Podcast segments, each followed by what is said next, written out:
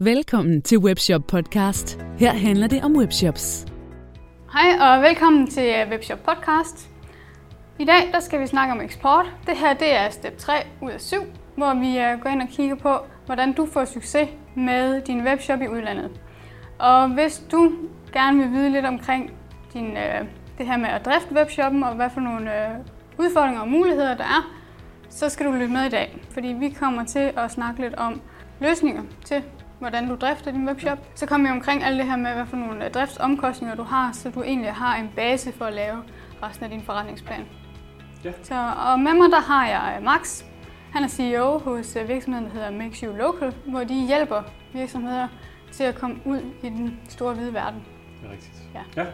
Så øh, hvad siger du, Max, når vi skal snakke lidt om drift? Jamen, øh, så øh, er det jo noget af det, der følger med, kan man sige, og noget af det, som giver nogle andre opgaver og en anden måde at arbejde på, end hvis man øh, driver en shop i et land og i et marked. Og det er måske en af de aller vigtigste ting i det her faktisk, det er, at første gang man åbner op i et nyt land, så skal man ikke bare lære det nye land at kende, man skal også drive sin virksomhed på en lidt anden måde, fordi man skal gøre mange af ens opgaver to gange. Man skal oversætte produktteksterne til svensk eller tysk eller fransk, efter man har lavet dem på dansk. Man skal lave nyhedsbrevet i en lokal version på et andet sprog, måske også tilpasset til nogle andre helligdage, nogle andre mærkedage i det her land. Så der er sådan en masse opgaver, der skal laves på en anden måde, så det skal man ligesom have indrettet sin virksomhed efter. Ja. Så det er en af de, sådan, de helt grundlæggende ting, der skal være, som det i hvert fald er med land nummer et, ud over ens eget. Ja, men det er vel egentlig nogle ting, man også selv kan styre? Det kan man i høj grad øh, få de her processer på plads. Nogle gange oplever vi bare, at man bliver lidt overrasket over, at, at det ændrer meget på en struktur i virksomheden jeg er sikker på, at mange af jer, der sidder og lytter her, kender det her med, at når man skal lave et nyhedsbrev, så øh, samme dag, som det skal sendes ud, der får man lige de sidste produkttekster skrevet, man får lige øh, lavet teksten, og så bliver det sendt, og alle er glade. Og så, hvis man så lige forestiller sig, at man også skulle gøre det på et andet sprog, og det vil man garanteret gerne, når man har en shop i et andet land, men så skal man lige pludselig lægge en masse processer mere ind i det her forløb. Produktteksterne skal oversættes til andet sprog, Al øh, tekst på nyhedsbrevet skal også tilpasses. Det her land ikke bare oversættes, oversættes men tilpasses. Så der er lige pludselig en anden struktur. Ja. Så det er en god ting at, at få styr på i starten. Men det er så mere en strukturel ting i ens virksomhed. Hvis vi taler omkostninger, så, øh, så er der vel øh, tre områder, hvor, hvor jeg tror, der er, det er vigtigt at være opmærksom på. For det første, så er den her oversættelsesdel. Det kommer jo både, når man skal lave nyhedsbrev, men også når man har nye produkter, når man har ændret et eller andet med sin webshop, så skal det hele jo laves i et andet sprog også. Så det skal man ligesom have en løsning for. Et oversættelsesbureau, en freelance oversætter, en virksomhed som os. Øh, der kan være mange muligheder til at løse den her opgave. Hmm. Det skal man øh, sætte lidt penge af til. Så skal man øh, tænke kundeservice. Øh, konkurrencen i alle lande er hård. Der er dygtige e-handler i alle lande, og øh, noget af det, som man forbruger, som forbruger lægger vægt på, det er jo, at hvis man har et problem, kan man få det løst på en god måde, og man er tryg ved at tale med, de her, de her, den her webshop omkring det. Øh, og der er lokal kundeservice, altså lokalt sproget kundeservice, en rigtig vigtig ting. Ja, så det er vigtigt, at man ligesom får tænkt over, har du egentlig ressourcerne til at så håndtere ja. en webshop i udlandet? Fordi det er vel egentlig det, der er det vigtigste. At man ja, ikke... ja, præcis. At man, man har en løsning for, hvordan vil jeg svare mine kunder på tysk, hvis det er ja. i Tyskland. Vil ja. jeg gøre det selv? Har jeg en ansat, der kan gøre det, eller skal jeg finde et, en ekstern leverandør, der kan lave den tyske kundeservice? Alle løsninger er, kan være rigtig gode, øh, men man skal have fundet ud af, hvilken løsning, der passer ind i ens egen virksomhed, øh, og det omkostningsbillede, der ligger i forlængelse af det. Øh, og man kan sige, at kundeservice, det er jo, øh, det er jo klart en af de, om, de steder, som kan være en betydelig omkostning. Øh, I hvert fald, hvis man vælger en løsning, hvor man ansætter en internt, fordi så ved vi jo godt, så koster det ja, 25-30.000 øh, kroner inklusiv. Altså der er jo en, der skal være en kontorplads, der skal være en computer, der er en masse afledte omkostninger at have en ansat. Så det skal man i hvert fald øh, kalkulere kalkulere betydeligt beløb til. Ligger man det ud, så kan man nok øh, specielt i starten gøre det markant billigere, fordi at når man lægger kundeservicen ud, betaler man jo normalt kun for de samtaler, der er med ens kunder, og da man lige er startet i land, er det nok ikke så mange. Og det tror jeg for mange er en, et godt sted at starte, fordi du simpelthen kan komme meget billigere i gang. Øh, og den sidste ting, det er jo sådan noget som lokal telefonnummer og lokal øh, retursetup. Øh, og det, det har også en lille omkostning forbundet med sig, men det betyder faktisk rigtig meget for, for en øh, forbruger, der køber en skjorte i et andet land. At hvis man er tvivl om størrelsen, skal jeg så sende den retur til Danmark for at få den byttet og betale, lad os sige det var i Sverige, så skulle de måske give 200 kroner for at sende den her pakke retur til, til den danske webshop. Det vil mange synes var ret meget for en skjorte til 500 kroner. Øh, så der skal man helst have en løsning, der er konkurrencedygtig i forhold til de lokale konkurrenter, der sælger måske den, den fuldstændig samme skjorte. Så der skal man også øh, have en lokal returadresse og øh, sådan nogle ting på plads. Ja, så du tænker egentlig, at hvis man skal måske holde op mod, at der er to muligheder. At enten så kan man returnere direkte til Danmark, hvor man har det hele styr for Danmark, eller så skal man måske gøre sig overvejelser med, om du har en eller anden lokal lager liggende. Ja, øh, jeg vil sjældent anbefale at lægge øh, hovedlageret ud. Det vil jeg næsten altid forsøge at sende fra der, hvor man sender til sine danske kunder. Mm. Øh, men det er retursetup'et, og det er jo ikke, fordi man skal have et returlager selv. Man skal bare koble sig på en løsning øh, hos os eller hos nogle andre, hvor man ligesom kan få sine varer sendt til. Okay, så, så man behøver ikke at selv skal ud og købe lokaler eller lege nej, nej, lokaler? Det, kan, det, er jo, det er jo en service, man kan købe sig til. Øh, okay. Så man egentlig bare får lov at sætte øh, en lokal adresse på sin øh, webshop øh, i Tyskland, og så lander varerne på den adresse, og der er så nogle af vores folk, der håndterer det der varer, og samler dem sammen og sender dem retur en gang i hver anden uge, eller hver måned, eller hvornår man nu vil have dem. Ja, fordi jeg ved, hvis du nu skal ind i Norge, så skal du også have en eller anden fysisk tilstedeværelse. Ja.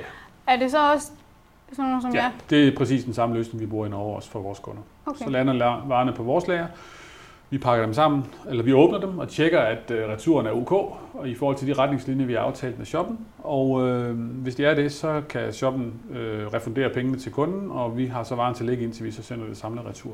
Ja. Øh, ja. Det vil så sige, så laver man en eller anden plan, eller i samarbejde med jer, med hvor lang tid skal en returvare ligge? Ja. Og hvad så, hvis man får en ny bestilling på den samme vare? Så kan man måske kombinere på ja, det kan, det kan, man, det kan man faktisk godt. Ja. Det er ikke så tit, det er en god idé. Vi har nogle enkelte kunder, der gør det, men, men arbejdet med ligesom at have styr på, hvad for nogen, der ligger der, og kommer der lige en ordre, så skal den sendes fra det lag i stedet for. Det kan godt være større end, øh, end gevinsten, tror jeg nogle gange. Ja.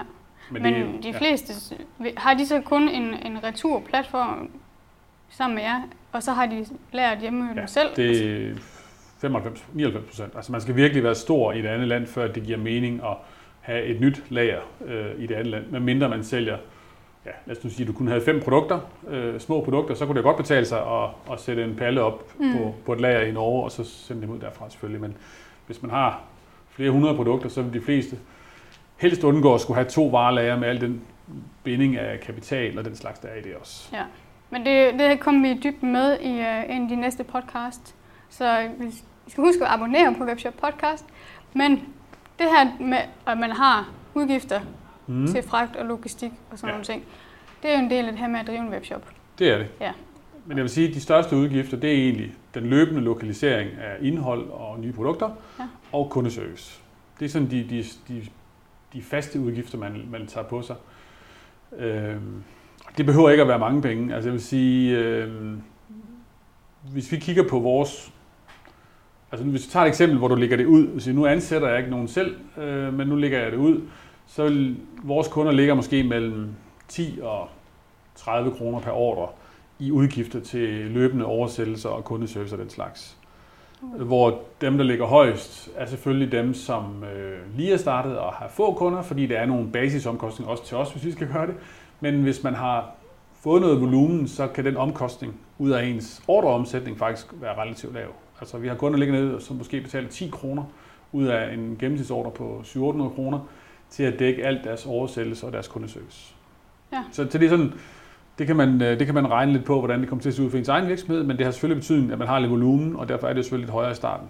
Men stadigvæk så er det variabelt i langt højere grad end ansættelse. Og det er måske der, hvor man skal, det er i hvert fald der, hvor man skal være mere sikker i sin sag, hvis man begynder at ansætte folk. Fordi hvis man ansætter til kundeservice, så kan man jo sjældent nøjes med én person der kan det her sprog, fordi vedkommende er på ferie og har sygdom, og hvad gør man så de dage, hvor der så ikke er nogen, der kan tage telefonen på tysk? Øh, så har man i hvert fald et problem, og det er ikke altid så sjovt for ens danske medarbejdere, der skal forsøge sig på deres øh, skoletysk og, og tale med en, en øh, tysk kunde, som måske er frustreret over en forsinket levering eller en, en fejl i det produkt, de har fået. Ja, og der kan jeg også sige, at det, det har jeg også selv erfaret. Altså, nu øh, ved jeg, at øh, SmartWeb øh, har jo leverer webshops både i Danmark og i Norge. Mm. Og der er jo nogle internt, nogle medarbejdere, som ja. snakker norsk. Ja. Og netop hvis der er, en, øh, nogen, der, der er nogen, der er på skole, eller der er nogen, der er syge, Og så er det nemlig, at hvis ikke du kan snakke norsk, og så du skal tage telefonen, så er det bare ikke den samme oplevelse. Nej, og der er to ting i det her, hvis man er e-handler faktisk. Den ene ting er jo, at det i sig selv kan være en svær samtale at forstå og, ja. og få løst problemet. Det når man som regel frem til.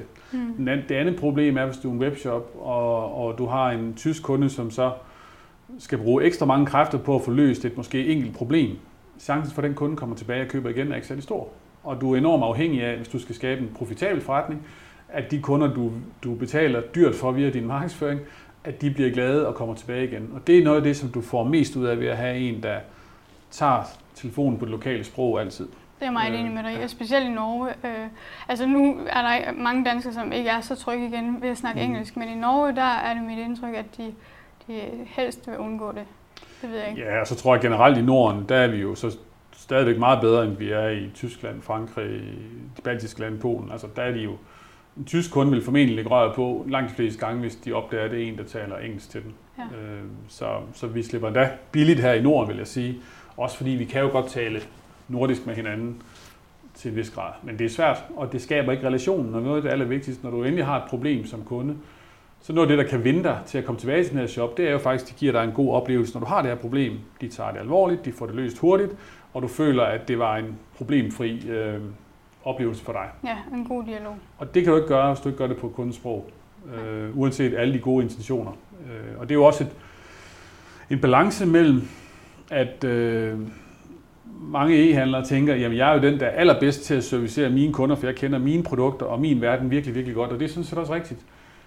Men en meget stor del af den her relation, det er jo faktisk, at der er en, der kan relatere til kunden og kan, kan skabe øh, forståelse for problemet og ligesom forstå det. Og så kan det godt være, at en, en kundeservice, der er outsourcet til, til nogle andre, ikke altid kan løse det lige så hurtigt, som du kan, men til gengæld kan de skabe en bedre relation. Og hvis du har en god relation, så kan du oftest fint sige til kunden, ved du hvad, det har jeg ikke oplevet før, jeg skriver tilbage til lidt senere i dag, eller ringer tilbage til lidt senere i dag, og så løse problemet hos den danske specialist øh, i mm. det her mm. tilfælde.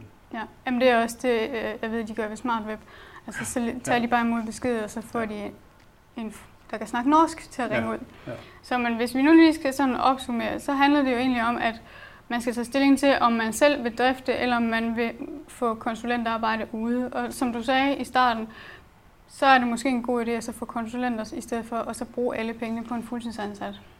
Jeg vil sige, det, jeg vil til enhver tid tro, man kan lave et regnestykke, hvor at investeringen er lavere ved at lægge kundeservice ud til nogen, der kunne lave det for dig, og bruge nogle andre specialister øh, til at kunne lave, øh, sørge for, at din, øh, din jura er på plads og de her ting. Altså køb det ude, fordi det er nogle forskellige kompetencer, du skal have, ja. i stedet for at ansætte en person, som du så håber kan løse alle de her specialistområder selv, hvilket meget sjældent er tilfældet.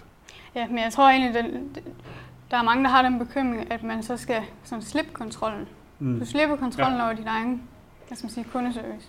Ja, og, og som jeg sagde før, det er jo det, der er udfordringen. Mm. Øh, at man ved, hvad man kan selv, men man får bare ikke lært det her sprog, øh, mens man lokaliserer sin shop. Altså det, øh, og det betyder bare enormt meget for oplevelsen af, for den kunde, der ringer ind. Øh, så den udfordring tager jeg til enhver tid med folk om, jeg kan vise dem, at det kan vi faktisk godt. Ja. Øh, og det gør vi jo for, jeg tror, vi driver 113 shops på tværs af ni lande i dag.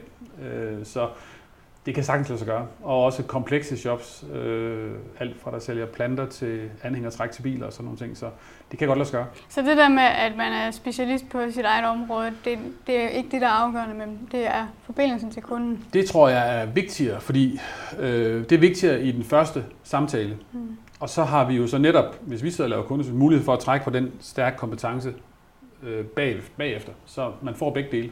Ja, godt.